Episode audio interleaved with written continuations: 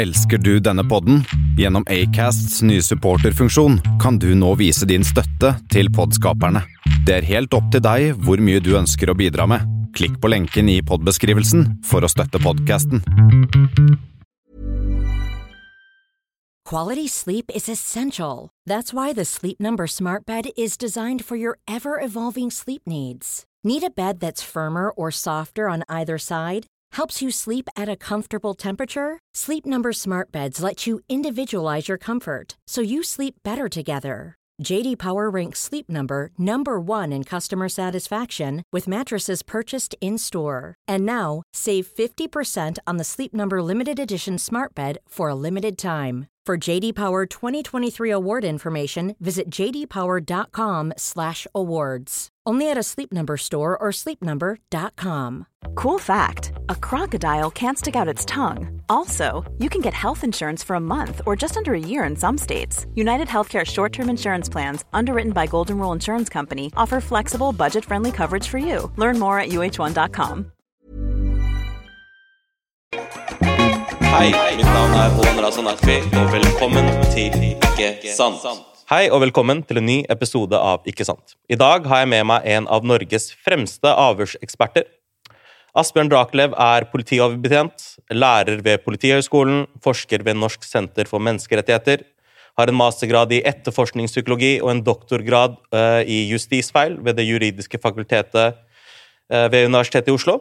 Uh, som jeg nevnte, Han er Norges fremste avhørsekspert, uh, men arbeider også utenfor Norge med utviklingen av globale retningslinjer for politiavhør.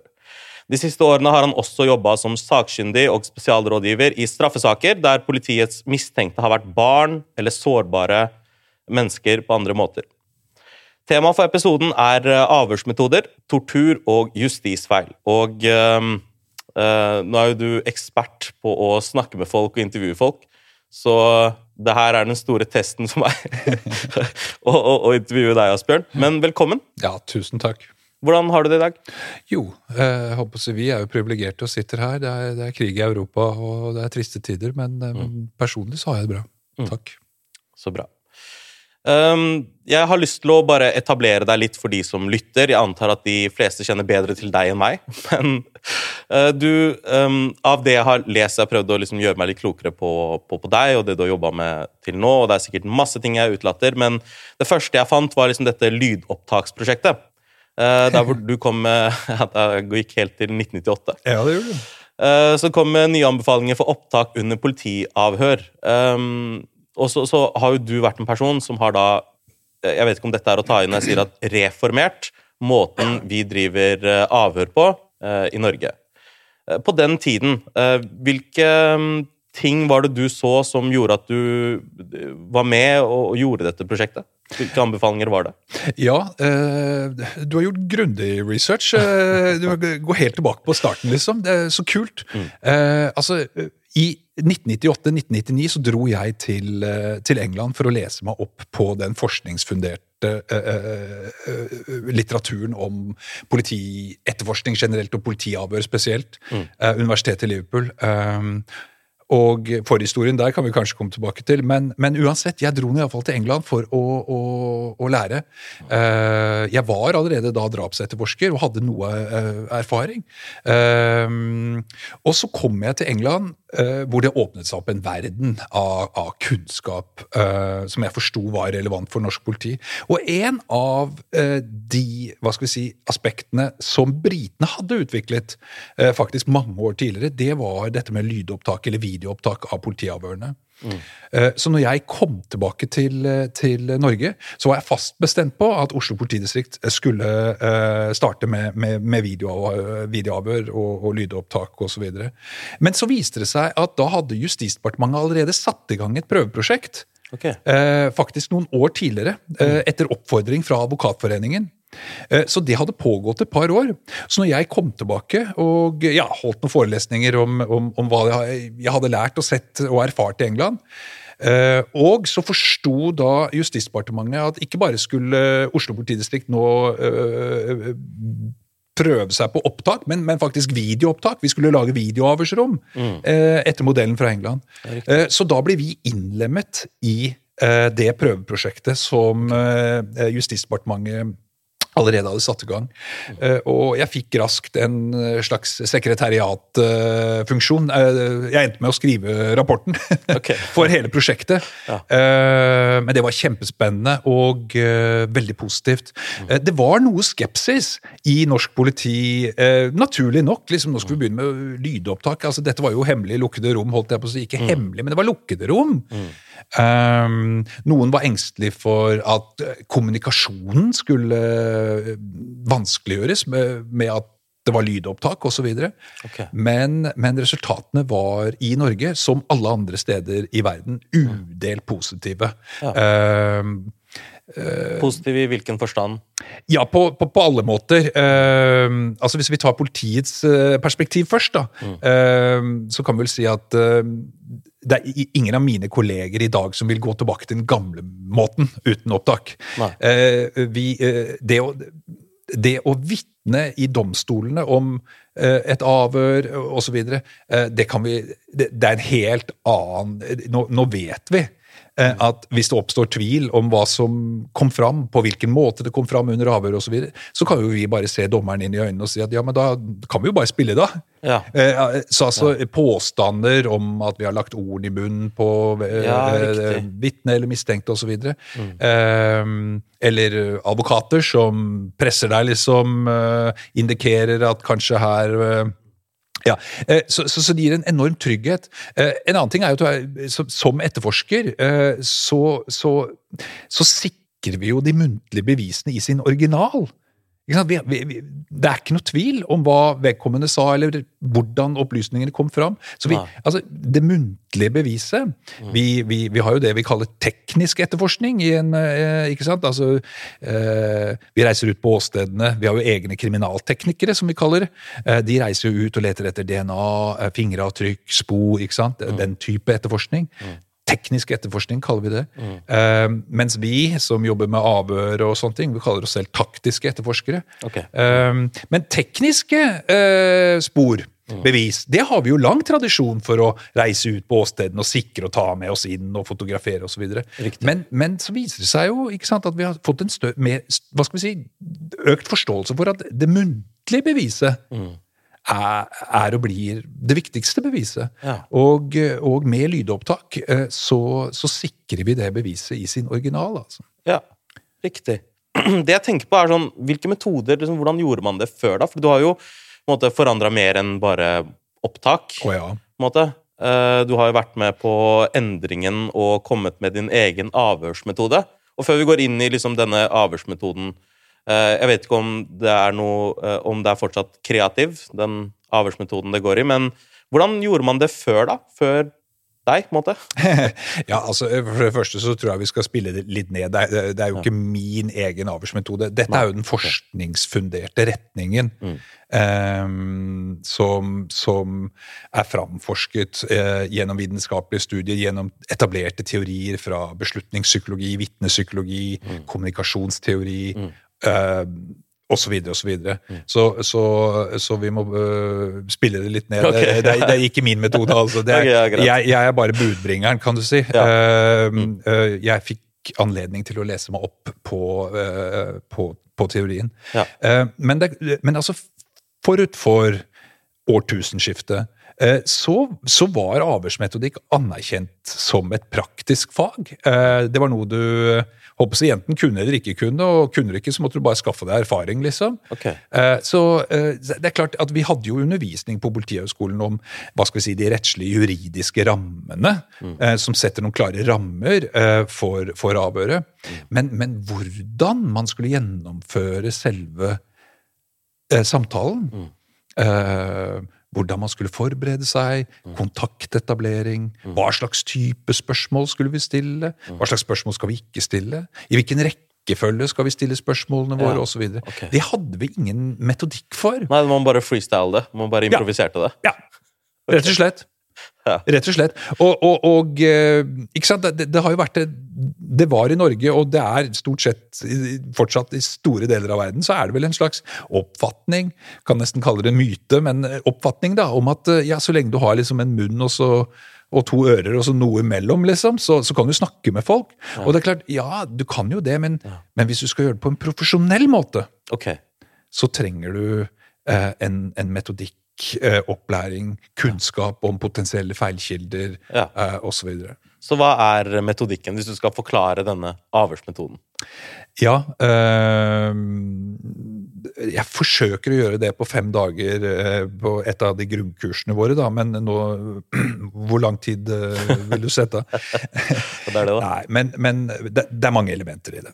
Okay. For det første eh, så måtte vi ta et oppgjør med den rådende holdningen, tenkningen, om at særlig mistenkte avhør, at hvis, hvis vi hadde pågrepet noen, hadde en mistenkt, så, så ble jo jeg trent opp eller vokste jeg inn i en kultur der, der at eh, Da var jo formålet med, med avhøret av den mistenkte å få han til å tilstå, rett og slett. Så når jeg reiser rundt uh, i FN og, og andre steder nå og snakker om de forskningsfunderte avhørsmetodene, så pleier jeg liksom å innlede omtrent slik uh, Like most detectives around the world, I was taught to believe that once I had a suspect, it was my job to get him to confess. Ja, vi hadde jo pågrepet da! Der satt han! Uh, og vi mente jo at han var skyldig, liksom. Og, og, og i min tid, eh, altså på 1990-tallet, eh, så, så hadde heldigvis vårt, hva skal vi si, vår demokratiske rettsstat hadde allerede utviklet seg så langt at det var aldri aktuelt for, for meg, og jeg lærte heller aldri eh, noen fysiske eh, avhørsmetoder. Altså, eh, men, men det er jo slett ikke uvanlig, dessverre, fortsatt den dag i dag. Uh, mm. uh, vi hadde en liten prat før vi skrudde på lyden her, og du har jo samme tallene som meg. altså Ca. 60% av mine kolleger rundt omkring i verden de bruker jo tortur, eh, press, trusler, tvang, eh, som en metode for å oppnå det målet. Nemlig ved å få den som sitter overfor meg, eh, til å bekrefte min oppfatning av hvordan verden henger sammen. Ja. Um, så det måtte vi ta et oppgjør med. Vi brukte ikke tortur. Nei. eh, Men, men, og det er klart, tortur er jo mye mer brutalt enn psykologisk manipulasjon og overtalelsesteknikker. Og, eh, men, men, men, men tenke, altså manipulasjon, psykologiske overtalelsesmanipulative teknikker, er jo egentlig bare et, et substitutt for fysisk tortur. Tenkesettet til etterforskeren er jo det samme. Ja. Jeg skal få han til å tilstå. Ja. Ja. Så, Så det selve målet man skulle endre på. Hva er målet nå, da? nå er målet å innhente så nøyaktig, så relevant og pålitelig informasjon som overhodet mulig. Informasjonsinnsamlende eh, intervjuteknikker. Så i Norge i forhold til da um, Har det blitt bedre? Klart det har blitt bedre, men liksom Det jeg prøver å spørre om, er Hvor mye sikrer dette oss hvor mye, Hvordan fungerer det i praksis? Ja. Hvordan har det bedra ting? Ja, det er ingen tvil om at uh, norsk politi har beveget seg i riktig retning. Uh, vi er blitt evaluert uh, både av forskere, men ikke minst av Europarådets torturkomité også, som var på besøk. Europarådets torturkomité De reiser jo rundt i, i medlemslandene, 47 medlemsland. Ja, 46 nå, da, for nå er jo Russland suspendert. Men de reiser jo rundt i Europa med mandat fra Europarådet om å undersøke hvordan det står til med menneskerettighetene i de ulike landene. Eh, og eh, torturkomiteen hadde jo hørt om den utviklingen som eh, Norge hadde vært igjennom, og som vi har eh, ja, stått og uttalt oss om i FN og, og, og så videre, og skrevet uh, internasjonale artikler og, osv. så videre. Så, så, så torturkomiteen, når de besøkte Norge i 2018, altså bare for et par, par år siden, så, så ville de undersøke hvordan står det faktisk til, da.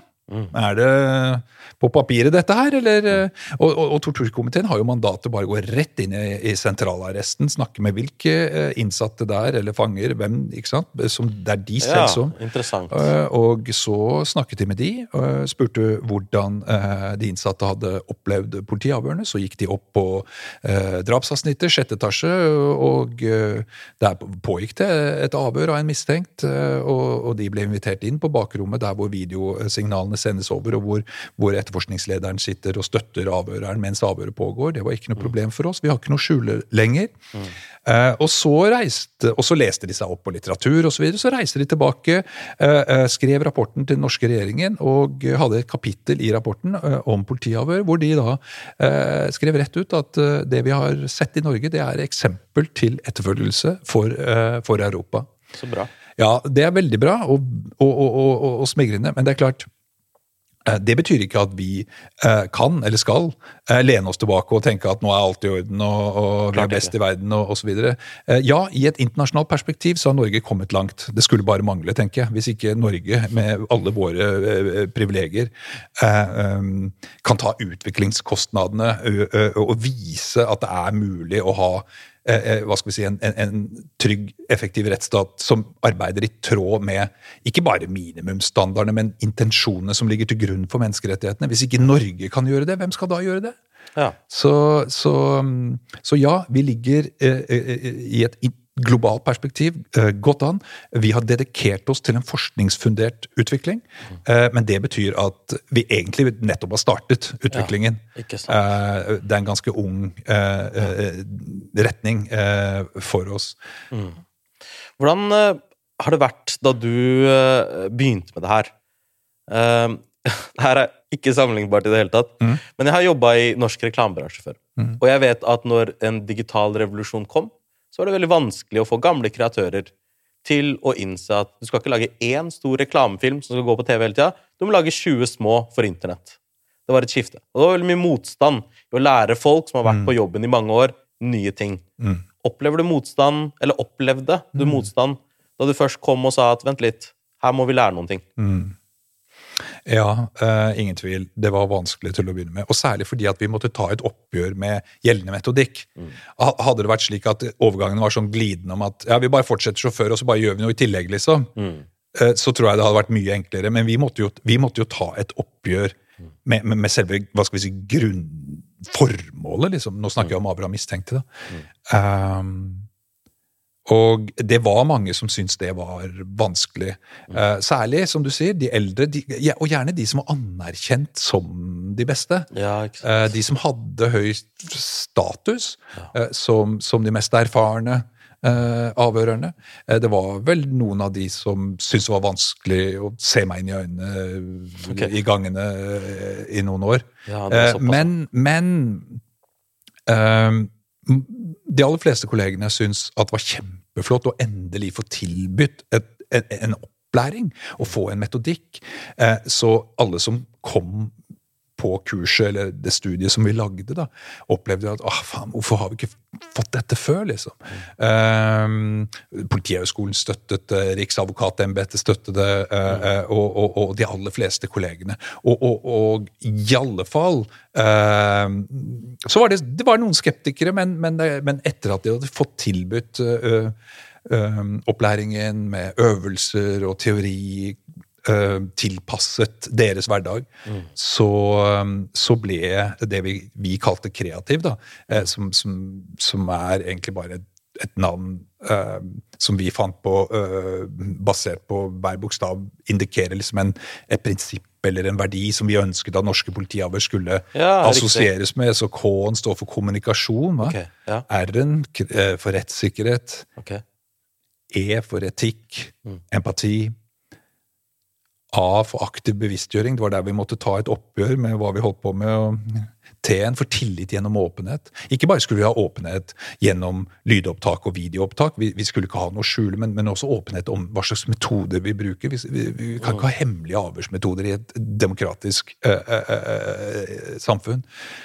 Og, og, så tillit gjennom åpenhet. Og, og V-en står for kreativ, eh, står for vitenskapelig forankring. Altså at vi skal utvikle oss i den retning som forskningsfunderte eh, kunnskap tar oss. Så, så, så, så det var grunnen til at vi valgte det navnet kreativ, men, men, men, men det baserer seg på eh, den internasjonale forskningen, og da særlig fra England, som var det første landet i verden som tok et oppgjør med de erfaringsbaserte, tilståelsesfokuserte avhørsmetodene.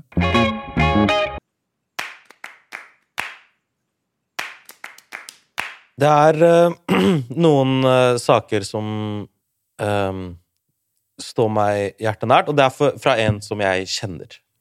Uh, og jeg spurte han, da, som har liksom vært yrkeskriminell i mange år, Mm. spiste middag med han i går, så spurte jeg hva burde jeg spørre om. Hva syns du? Og sa han at han hadde en opplevelse, da, og det var at eh, han blei eh, um, tatt for eh, medvirkning i et potensielt drapsforsøk. Og eh, i intervjuet, så I avhøret, så var det kjempelangt, 50 sider eller noe sånt nå. Og eh, denne personen da, i avhøret eh, sier veldig mye motsigende ting. Mm. Ting som han og hans advokat mener at det her er ikke et gyldig avhør. Altså, han virker jo ikke til å være til stede i hodet. Han eller dama hans, begge som var rusmisbrukere, og som virka rusa. Mm. Men i selve rettssaken så tok de kun ut de tingene som stemte i forhold til én teori, og droppa alt annet. Mm. Og når de spør om innsyn i det, så sier de at det er konfidensielt, for at det er fortsatt under etterforskning. Og i retten, personen, uh, i retten så blir denne personen stilt stort sett ja-nei-spørsmål. Er det riktig? Eh, å stille ja-nei-spørsmål er absolutt ikke riktig. Det, er, det strider jo mot, eh, mot vår grunnleggende metodikk. Eh, altså metodene som vi trener våre etterforskere opp i, eh, og eh, som jeg eh, vet høres veldig enkelt ut, men det er ganske krevende å gjøre i, i, i realiteten. Altså, vår viktigste egenskap som intervjuere, det er jo faktisk å lytte.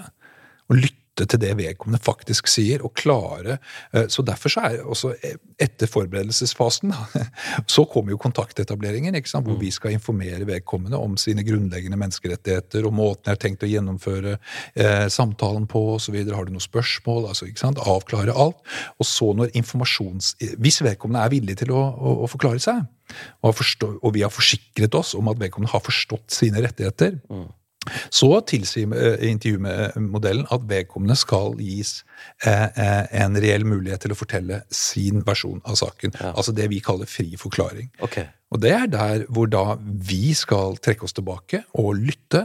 Eh, og jo bedre vi klarer å stimulere kommunikasjonen og skape trygge rammer, eh, jo hva skal vi si, mer fruktbare, lengre, frie forklaringer får vi. Da, da, da vedkommende føler seg trygg og, og, og, og, ivaretatt. Da får vi lengre, frie forklaringer. Men så kommer selvfølgelig eh, da intervjuet inn i sin neste fase, som vi kaller sondering, hvor, hvor det er vår tur til å stille spørsmål om eh, relevante temaer. Eh, men å stille ja- og nei-spørsmål i den fasen skal vi heller ikke gjøre. Da skal vi introdusere nye frie forklaringer om de temaene som vi ønsker å dykke videre ned i. Eh, fortell, du nevnte en bil. Fortell, eller en biltur. Fortell alt om den bilturen. Ta med alle detaljer. Eh, og så kan det hende at vi trenger å vite enda mer om den bilturen. Eh, hvis vedkommende ikke har nevnt hvem som var sjåføren, så, så kan det hende at vi da må spørre ok, men hvem var det som kjørte bilen. Men, men, men å gå ned i alternativgivende spørsmål var det Lars eller var det ikke Lars som kjørte bilen, eh, det er det vi kaller alternativt lukkede spørsmål. Det er i den siste kategorien av spørsmål som vi skal stille. Det er klart, Hvis vi har stilt masse åpne spørsmål Hvor var du lørdag kveld? Og du snakker om uh, været. Eh, og jeg prøver igjen. Uh, hør, hør det var lørdag kveld, ikke sant? Men du bare skyter ut, snakker om været igjen. Så kan det hende at politiet eh, må ned du, Nå har jeg spilt, prøvd tre ganger å spørre deg hvor du var lørdag kveld, men, men, men du svarer ikke. Var du i Oslo, eller var du ikke? Da, da, da sier vi at da er det på en måte et legitimt lukket alternativgivende spørsmål. Ja, ja, ja, Eh, men da har vi forsøkt. Men hvis, hvis, hvis din venn opplevde i domstolen at det var bare ja-nei-spørsmål, ja-nei-spørsmål, ja, så er det absolutt ikke i tråd med den metodikken som vi trener opp uh, politiet til. Uh, Det var mye, nå- mye rart som skjedde der. Altså. Altså, hun, Ja. spurt, hun en dame ble spurt om å identifisere de på bildet, og så begynte hun bare å dikte opp historier om dem. Han er fetteren til han, og han er sånn som han er for at han ble misbrukt da han var liten. Ingenting av det stemte! Ingen, de, ingen av de på bildene var i relasjon med hverandre, så Nei. de mener at det var en vitne som ikke helt var god nok i hodet. og. Ja, og det, det, det, det må vi ta høyde for. Ja, ikke sant? Det må må vi ta høyde for. Hvordan vet man um, liksom, så Noen folk eh, føler jo liksom, Hvis du er en ekte sosiopat da, eller psykopat, så, så føler du kanskje ikke empati, og du Mm. kanskje litt vanskeligere å putte deg inn i et hjørne. Det er mye lettere å lyve. Mm. Eh, så, så det tenker jeg er en vanskelig avveining. Er personen psykisk syk og til stede, eller Absolutt. altså-? Absolutt. Eh, Og, og det, nå toucher du jo på et veldig viktig fagområde innenfor, innenfor avhørsfaget. Da. Mm.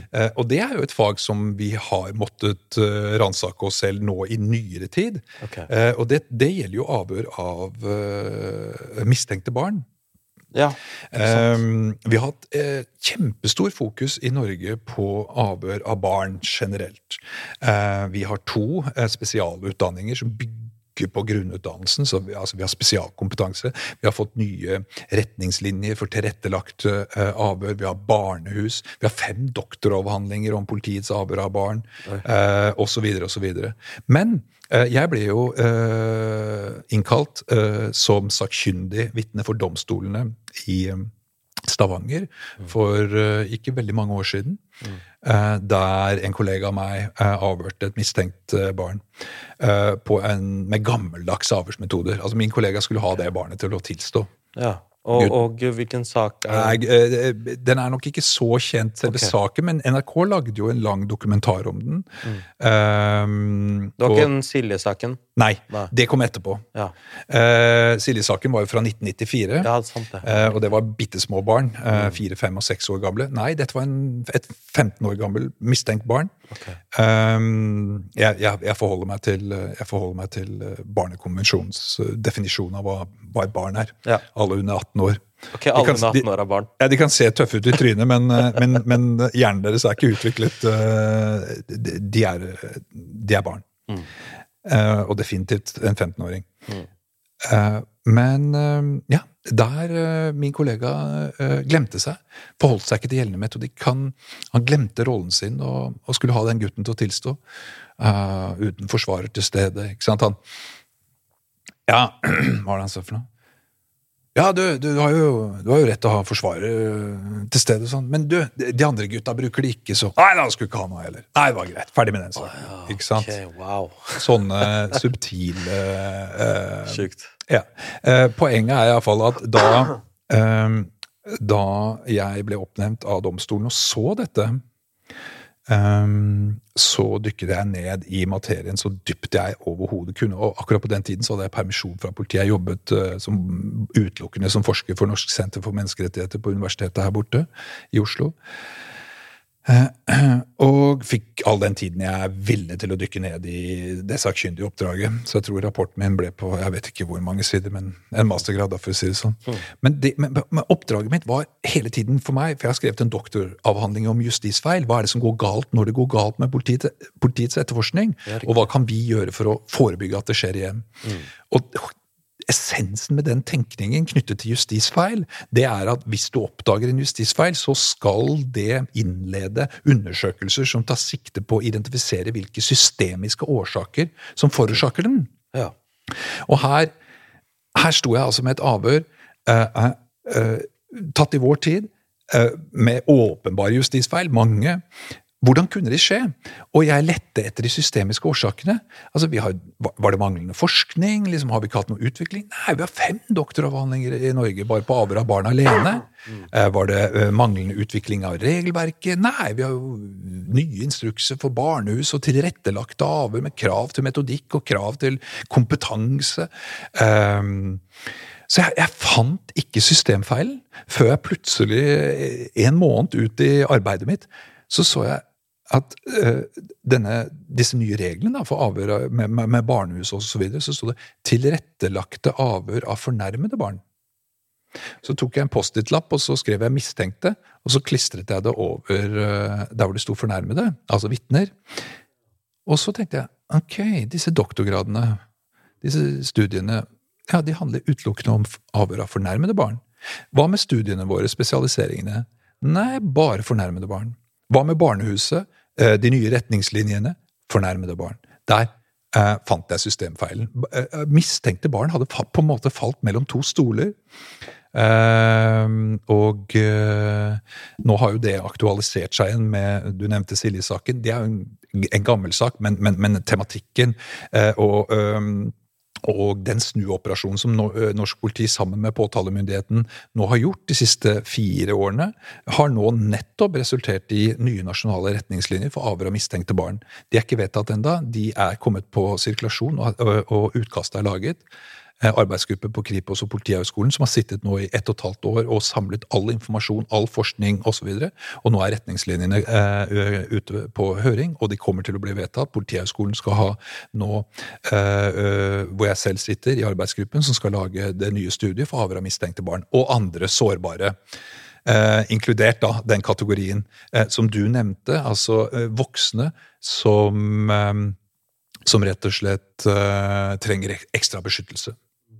Eh, så, så, det er et område som vi ja, Vi fokuserte på avhør generelt, liksom, kreativ liksom grunnutdannelse, og så avhør av barn, men da utelukkende fornærmede barn. Så, så, så mistenkte barn og andre særlig sårbare mennesker eh, falt på en måte mellom to stoler, liksom. Og eh, ja, det var en litt sånn vanskelig erkjennelse, eh, og, men, men eh, systemet har snudd seg rundt.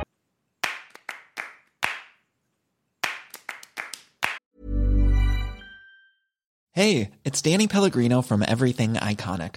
Ready to upgrade your style game without blowing your budget? Check out Quince. They've got all the good stuff shirts and polos, activewear, and fine leather goods, all at 50 to 80% less than other high end brands.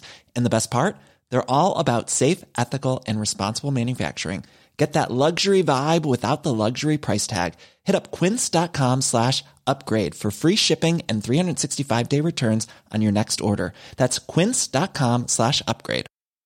Quality sleep is essential. That's why the Sleep Number Smart Bed is designed for your ever evolving sleep needs. Need a bed that's firmer or softer on either side? Helps you sleep at a comfortable temperature? Sleep Number Smart Beds let you individualize your comfort so you sleep better together. JD Power ranks Sleep Number number 1 in customer satisfaction with mattresses purchased in-store. And now, save 50% on the Sleep Number limited edition Smart Bed for a limited time. For JD Power 2023 award information, visit jdpower.com/awards. Only at a Sleep Number store or sleepnumber.com. There's never been a faster or easier way to start your weight loss journey than with PlushCare PlushCare accepts most insurance plans and gives you online access to board-certified physicians who can prescribe FDA-approved weight loss medications like Wigovi and Zepbound for those who qualify.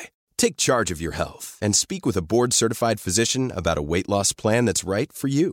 Get started today at plushcare.com slash weight loss. That's plushcare.com slash weight loss. plushcare.com slash weight loss. Here's a cool fact. A crocodile can't stick out its tongue. Another cool fact you can get short term health insurance for a month or just under a year in some states. United Healthcare short term insurance plans are designed for people who are between jobs, coming off their parents' plan, or turning a side hustle into a full time gig. Underwritten by Golden Rule Insurance Company, they offer flexible, budget friendly coverage with access to a nationwide network of doctors and hospitals. Get more cool facts about United Healthcare short term plans at uh1.com. En ting jeg har lurt på, så er sånn derre Man blir jo Jeg kan se for meg, da, at en etterforsker La oss si at jeg er en av de etterforskerne. La oss si. Mm, mm. Og så kommer det en sak, og så blir jeg emosjonelt grepet av saken. Mm. Ok? Mm. Og inni hjertet mitt så føler jeg at han gjorde det. Mm, absolutt. Jeg ser det, jeg føler det. Mm. Bevisene taler mot det. Men så skal jeg følge denne metoden. Så må jeg jo på en måte gjøre meg uh, nøytral, da. Mm. Ikke sant? Mm. Men er det, noen, er det, noen, øvelser for det? Hvordan du skal liksom på en måte prøve å slette ut det du allerede tenker? Jeg tror mennesker generelt sett har hatt godt av det. Av ja. å tenke på den måten. Og ikke ja. bare gå rett til 'du gjorde feil', 'din mm. skyld'. Hvordan setter man seg bakover og tenker sånn 'ja, vet du hva, nå skal jeg lytte'? Mm. Nei, altså eh, Spørsmålet ditt er nok mer relevant enn altså Nå er du inne i kjernen i, i, på, på, mange måter i, i faget vårt. Mm. Eh, fordi, men la oss starte med det eh, starten. ikke sant? At politiet har eh, et samfunnsoppdrag.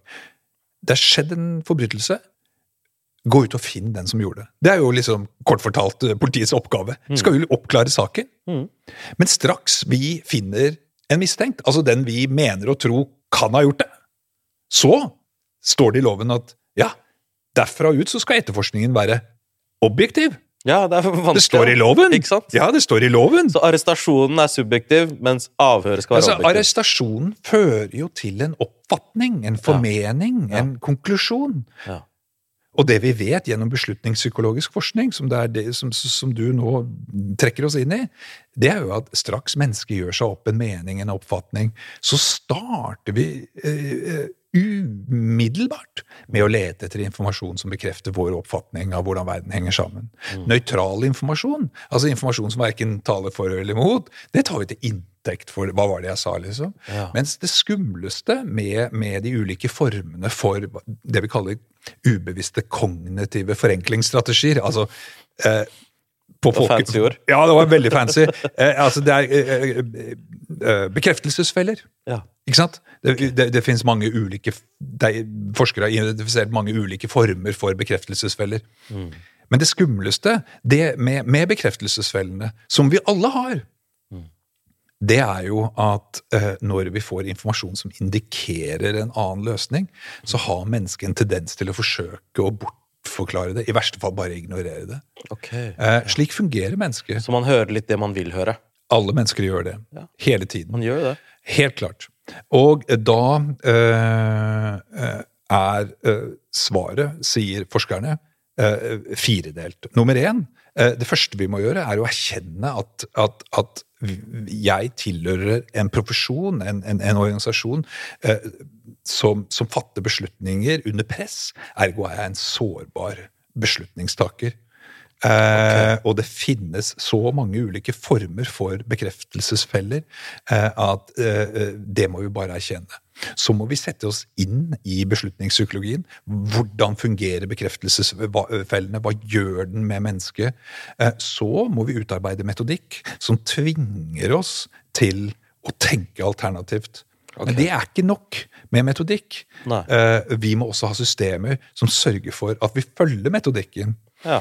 I vårt tilfelle så betyr det at vi i dag trener våre etterforskere eh, opp i at når de har pågrepet en mistenkt La oss si eh, ja, det er nærliggende å, å, å tenke på at vi har pågrepet deg, da, siden du sitter foran meg her. ikke Ja. sant? Jeg må forholde meg til si, hvorfor Ja, ikke? ja, ja, Hvorfor ikke sant? Ja, ja. Du er bare mistenkt foreløpig, du er ikke dømt. Okay, okay, Men du er ja. mistenkt. Ja. Mm. Vi kan si det er noe alvorlig. Mm. Du har nevnt, selv nevnt drap. Og, og vi sier at det er begått et drap i Oslo, og, og, og, vi har fingeravtrykket ditt inne på åstedet. Ok. Ehm, på, på det sentrale åstedet. Uh, det kan være noen andre hva skal vi si, indiser som indikerer at ja, hvis så, noen vitner har sett en mann som kom med sort lue og sort rød, flott drakt og hadde skjegg sågar osv. Ja, det, det kan være flere liksom, momenter som men, men, men vi har et fingeravtrykket ditt på stedet. Og du blir pågrepet. Okay. Mistenkt. Husk på, når vi går til pågripelse, så krever loven og, og, og pågripelsen skal jo eh, i, testes av domstolene. Eh, hvis vi eh, begjærer deg varetektsfengslet, så skal jo du framstilles for domstolene, og dommerne skal teste saken eh, og eh, undersøke om det er skjellig grunn til mistanke mot deg. Altså, skjellig grunn, det betyr at eh, om det er mer sannsynlig at du har gjort det, enn at du ikke har gjort det.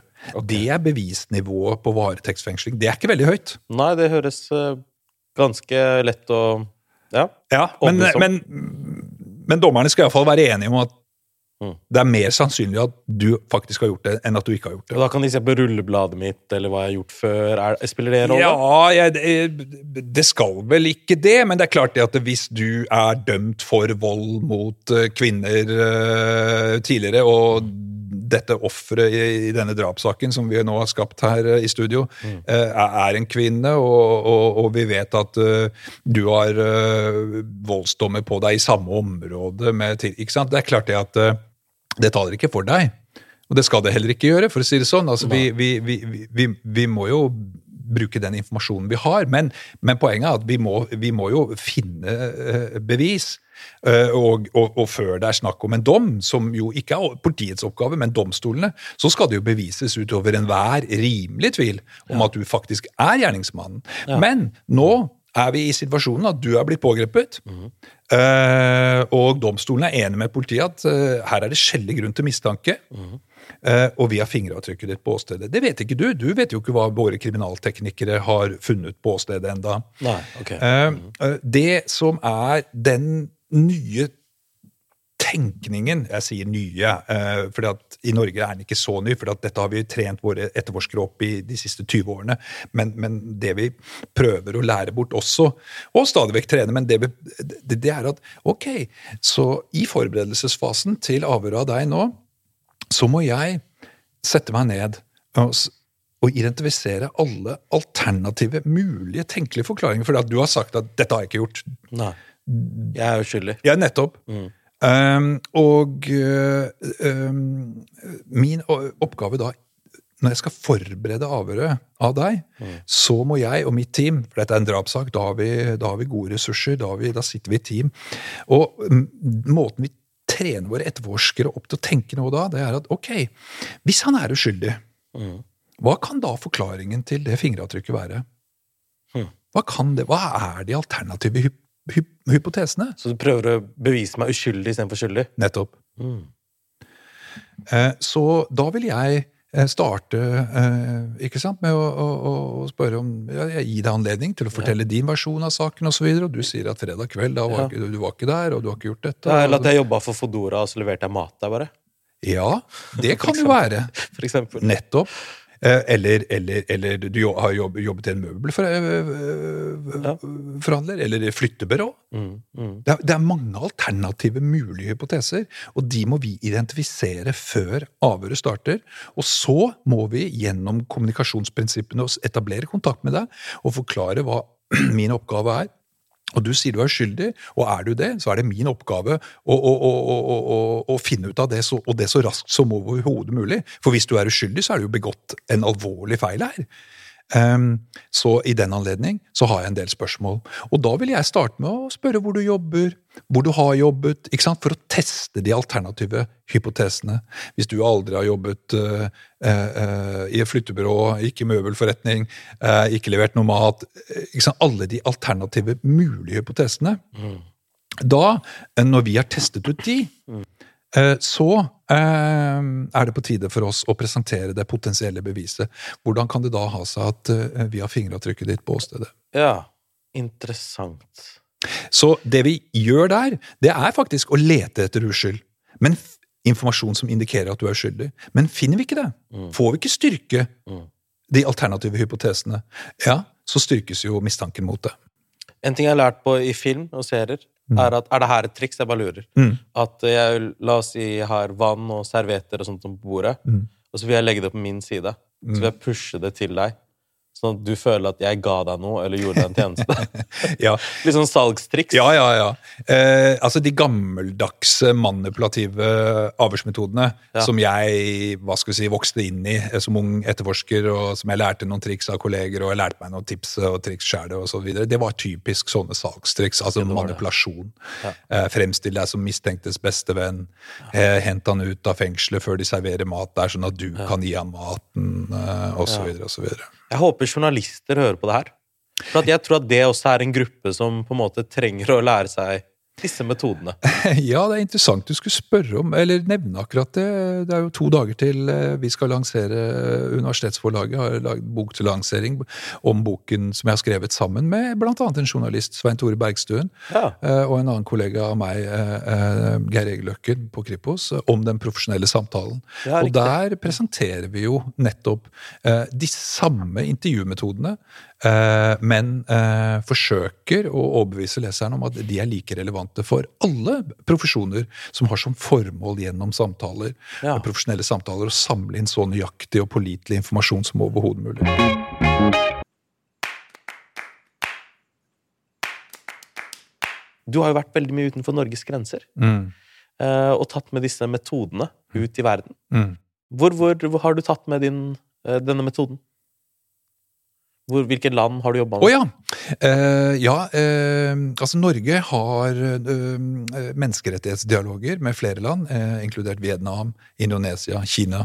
Eh, så der har jeg vært mye. Eh, Vietnam har jeg vært de siste tolv årene.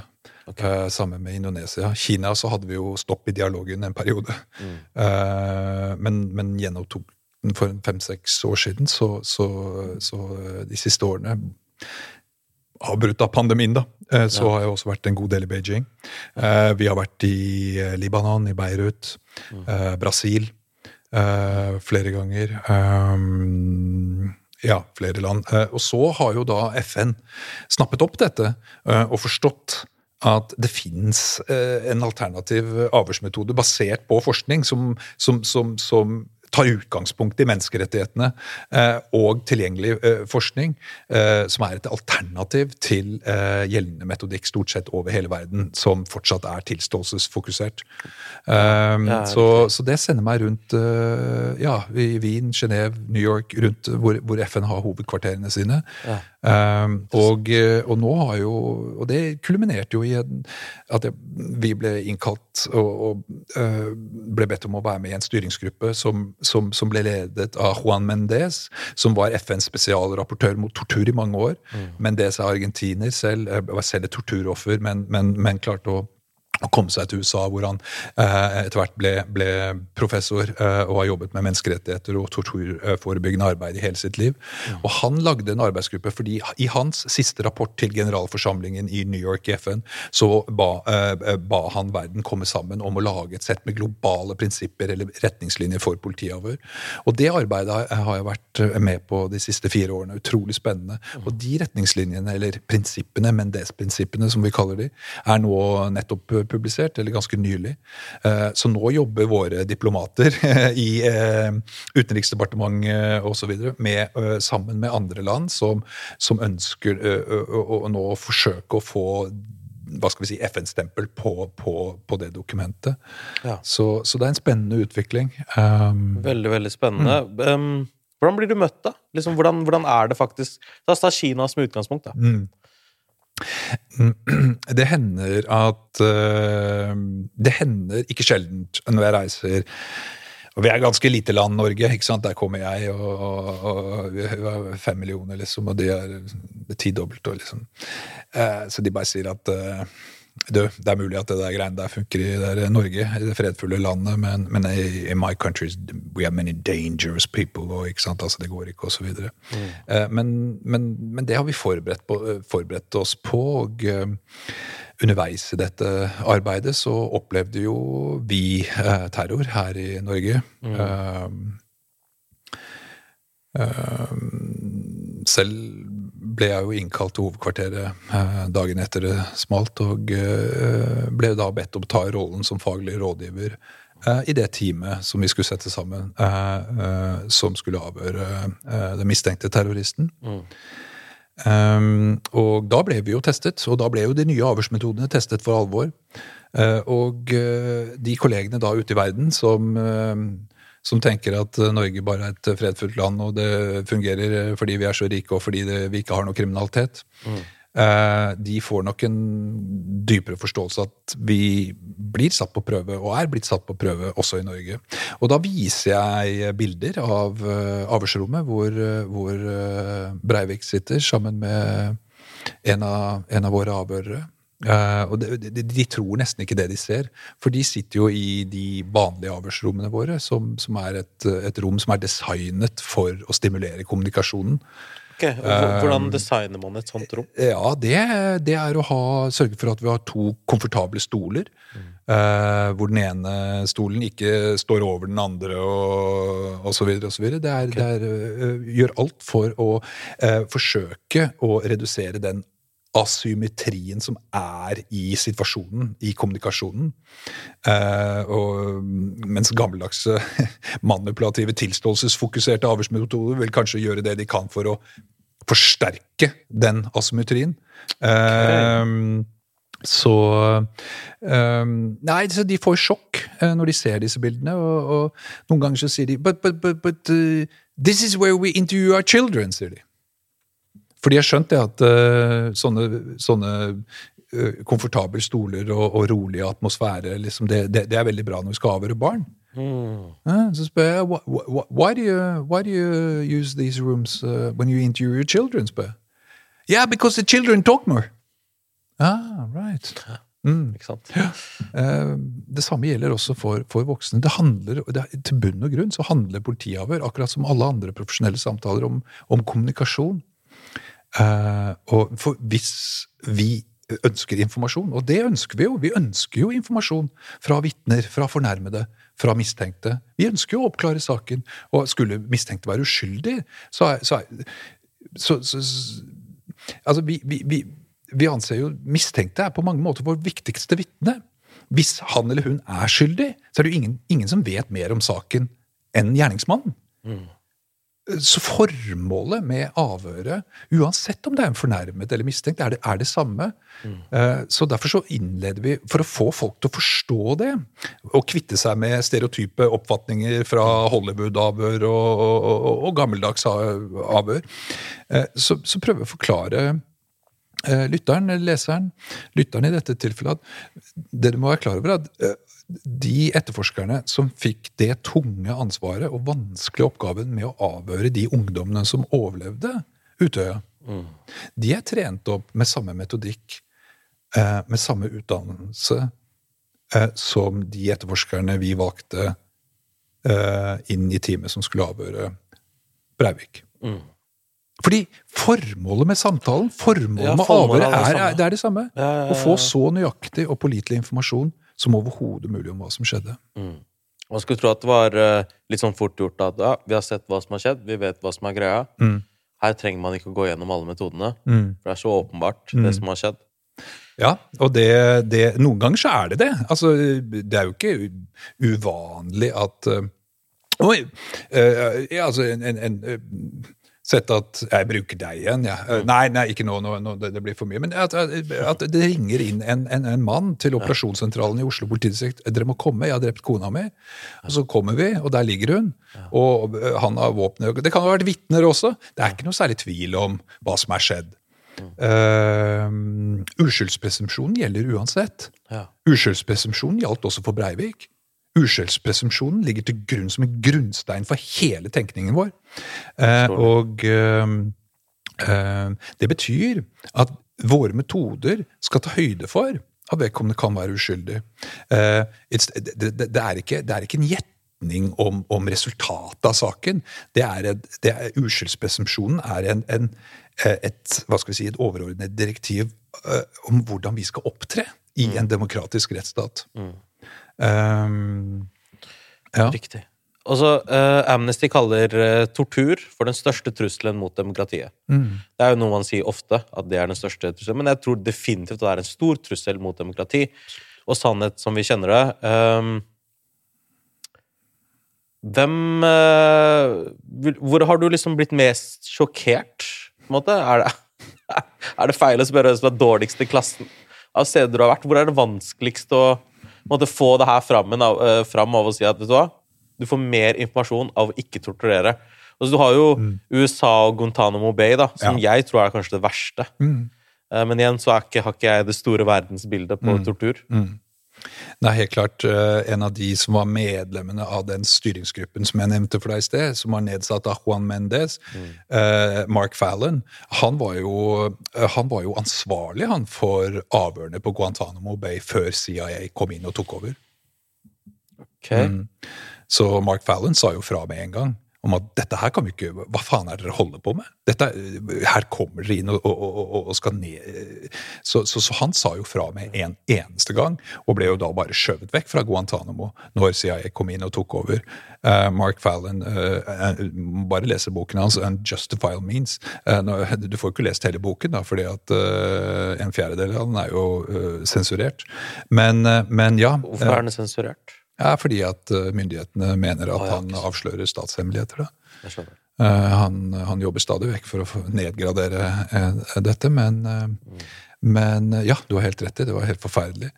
Um, de bare gikk fra sine prinsipper uh, og startet med tortur igjen, til tross for at vi på det tidspunktet visste, uh, uh, gjennom både erfaring fra ulike kriger og gjennom forskning, at, at, tortur er ikke effektivt. Det er mer effektivt å sette seg ned og faktisk sørge for at den eller de vi snakker med, får en reell opplevelse av at vi tar dem på alvor. Uansett hva de måtte være mistenkt for. Mm. At de opplever at deres integritet er ivaretatt. Ja, at ikke de blir mister altså, Det er en uh, Bollywood-film som handler om nettopp disse folkene som ble tatt inn til Guantánamo Bay, mm. og etter at de får liksom sånn Alt fra manndom til ære til alt knust ved seg selv. Mm. Det var da de var sårbare til å faktisk bli radikaliserte. Mm. For da kom det folk og sa 'vil du ta hevn for det som har skjedd med deg'? Nettopp.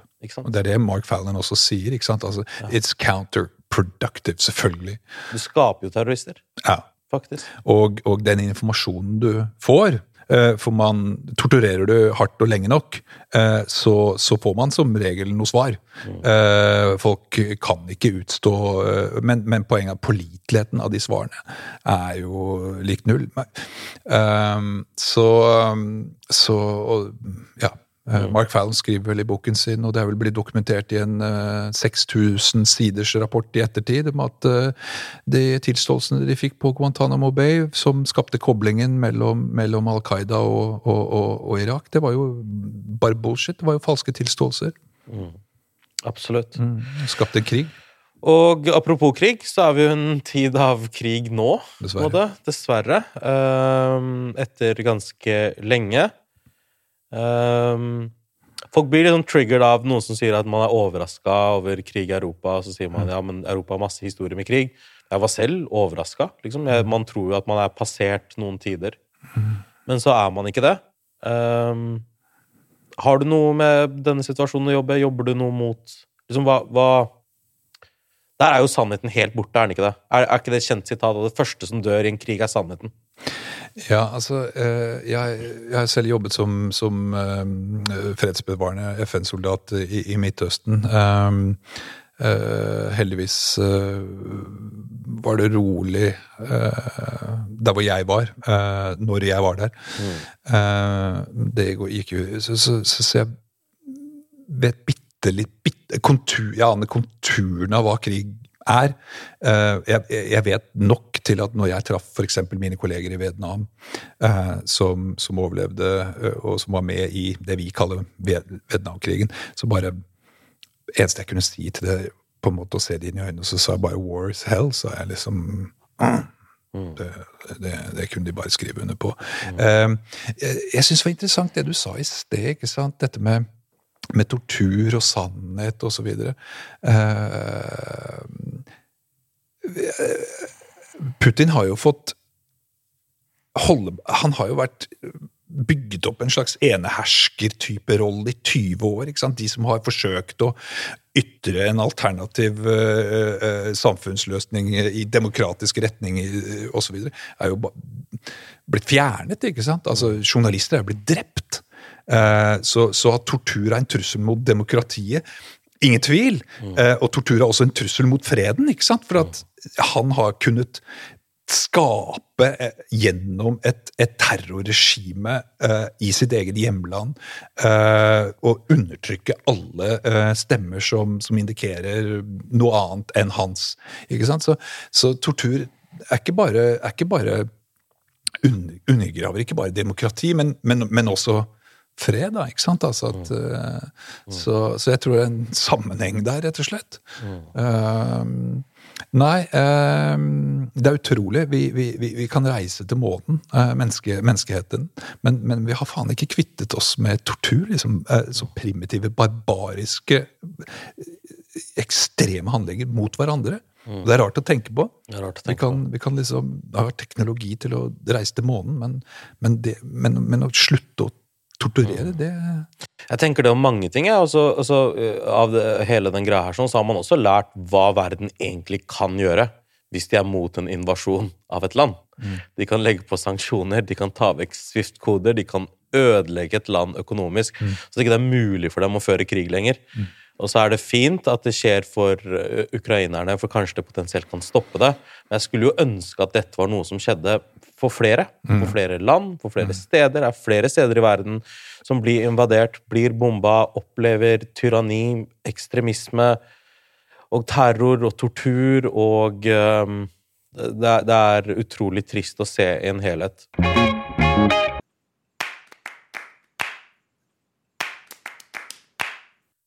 To spørsmål av, avslutningsvis. Det ene er med teknologi å gjøre. Ja, Uh, og jeg er en person som ikke tror på løgndetektorer. bra. Eh, sånn art, art, artikkel fire i min doktoravhandling handler om, om eh, en kritisk eh, gjennomgang av alle mulige eh, løgndetektorer som er oppfunnet. Ja. Eh, eh, ja.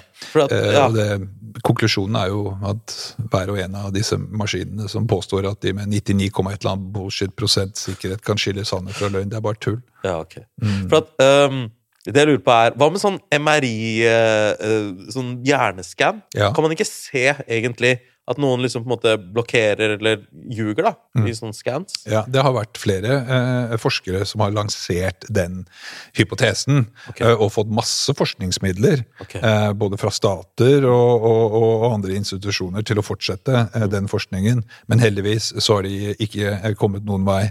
Eh, men ja, det pågår forskning den dag i dag eh, med hjerne- hjerneskannere for å se om løgnere aktiviserer eh, andre deler av hjernen enn de som snakker sant. Men eh, eh, der har vi ikke kommet noe nærmere i anførselstegn Så i fremtiden så kan det bli at du bare blir satt på en hjelm, Ja, og stiller deg noen spørsmål. ja jeg, jeg har vært i et avhørslaboratorium eh, nede i Østen eh, hvor, hvor, hvor de tester ut så- hjelmer, eh, altså ne- brainskannere. Um, og det er jo en forlokkende tanke, uh, ikke sant? Uh, om man kunne finne opp en maskin som, som med 100 pålitelighet kunne skille Sander for løgn. Det er en forlokkende tanke. Eh, ikke sant? Hvem drepte Oluf Palme, og, og så det Løse alle disse gåtene, ikke sant. Eh, Ja.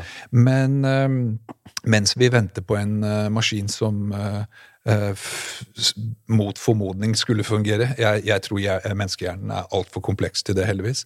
Men, men, men mens vi eventuelt venter, eh, så, så er vel konklusjonen i doktoravhandlingen min at eh, eh, kanskje vi bør tenke oss om og, og, og stille spørsmålet er vi egentlig sikre på at vi ønsker en sånn maskin.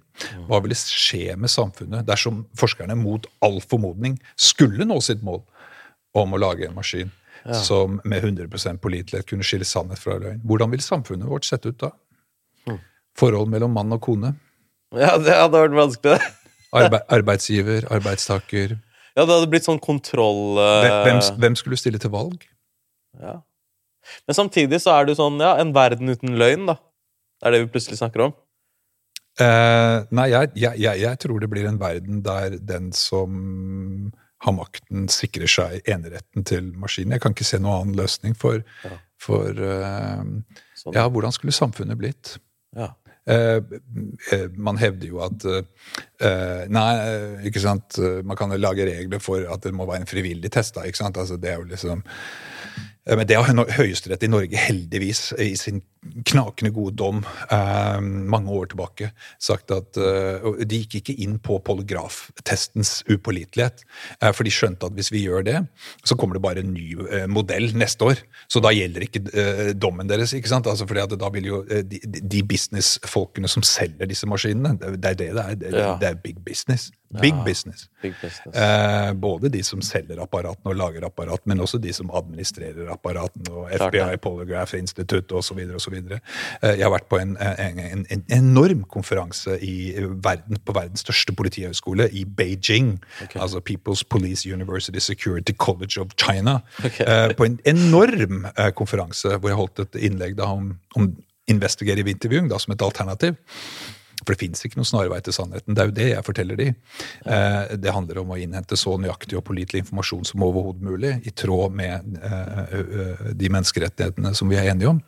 Anyway, eh, den, på den konferansen så var det eh, masse businessfolk fra ulike, fra USA, fra, fra, fra, fra Israel, som, som, som har laget disse ulike formene for løgndetektorer, voice stress analyzers og polygrafer og gudene vet. For det er klart at hvis de, hvis de får hooka opp eh, kinesiske myndigheter til å, å, å, å, kjøpe én sånn maskin til hver politistasjon, så, da har du jo made it. Da er du jo mangemillionær. Altså, det er big business.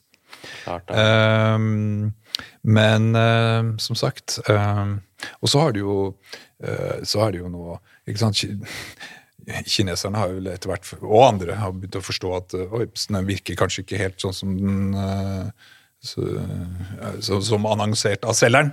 Eh, men så har de liksom laget Prøver å sette sammen da fire-fem forskjellige løgndetektorer inn i én avatar. da, ikke sant? Ok. Som, som alle er rettet mot deg i den stolen de plasserer deg. da. Wow. Men eh, ja, jeg, i, min, i, i, i mitt hode da, så er bullshit pluss bullshit pluss bullshit. Det forblir bullshit, liksom. Det er det det- hjelper ikke. Jeg skjønner. Mm. Jeg skjønner. Ehm, det er kanskje en eh, ganske vanskelig dør å Eller lang dør, og eh, sånn, kanskje det er en lang forklaring på dette avslutningsspørsmålet. Mm. Men ehm, hvilken sak irriterer deg mest? Eh, Eller liksom som har mest Det er kanskje feil ord å bruke 'irriterer deg'. Har opptatt deg mest? Den saken som, som nok har opptatt meg mest, og som har fulgt meg gjennom hele Hva skal vi si Ja, jeg må nesten si hele karrieren, er vel egentlig Birgitte-saken.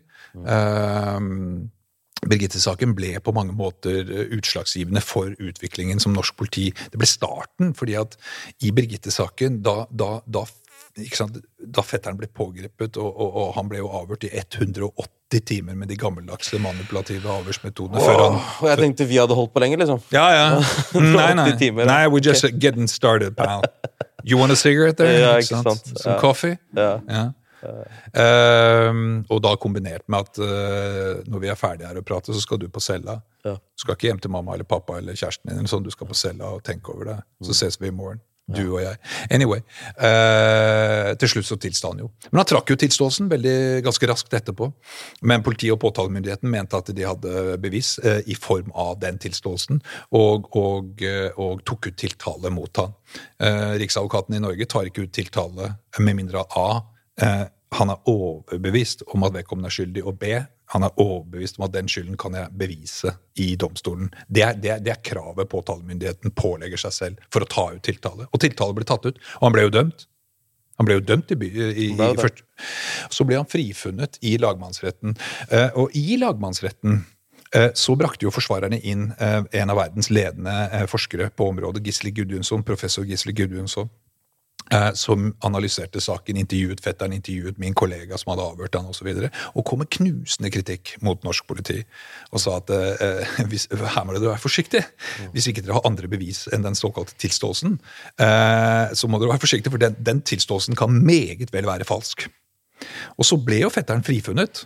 Men han ble jo dømt til å betale erstatning, og ja, Ja, det var litt rart, det. ja, det er eh, finjus som er veldig vanskelig å forstå. Norge ble jo eh, også, fikk jo også kraftig på, pukkelen på måten vi gjorde det der på i, i, eh, menneskerettighetsdomstolen i Strasbourg. Men poenget er at så gikk jo fetteren der, som, som i anførselstegn en frifunnet mann da.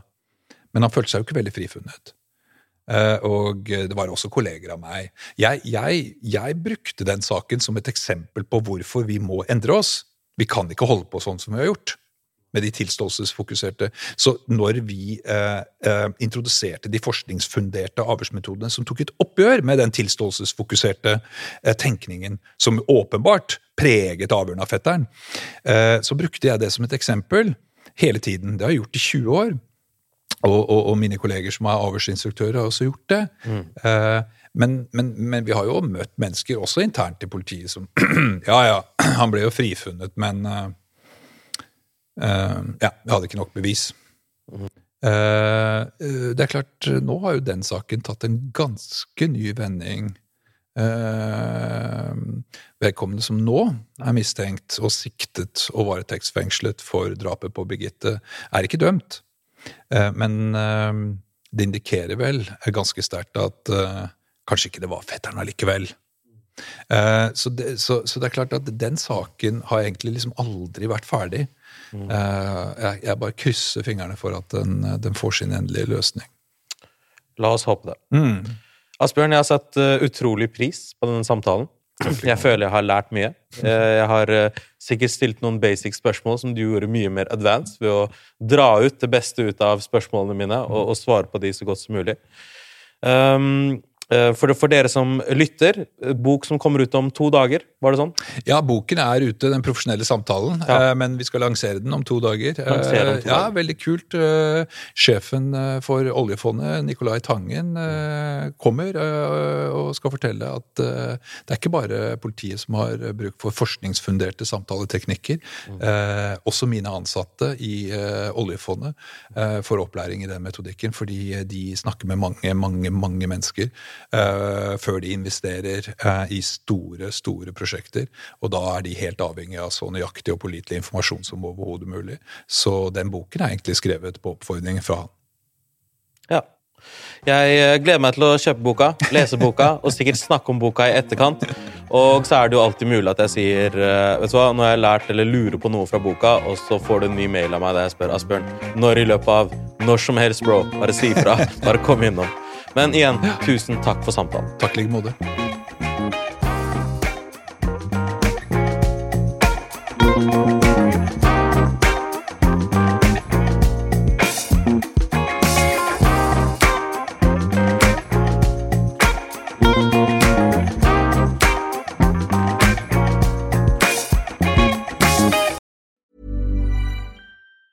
Ever catch yourself eating the same flavorless dinner three days in a row? Dreaming of something better? Well, HelloFresh is your guilt-free dream come true, baby. It's me, Kiki Palmer.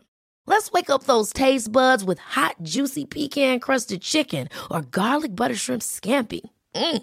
Hello Fresh. Stop dreaming of all the delicious possibilities and dig in at HelloFresh.com. Let's get this dinner party started.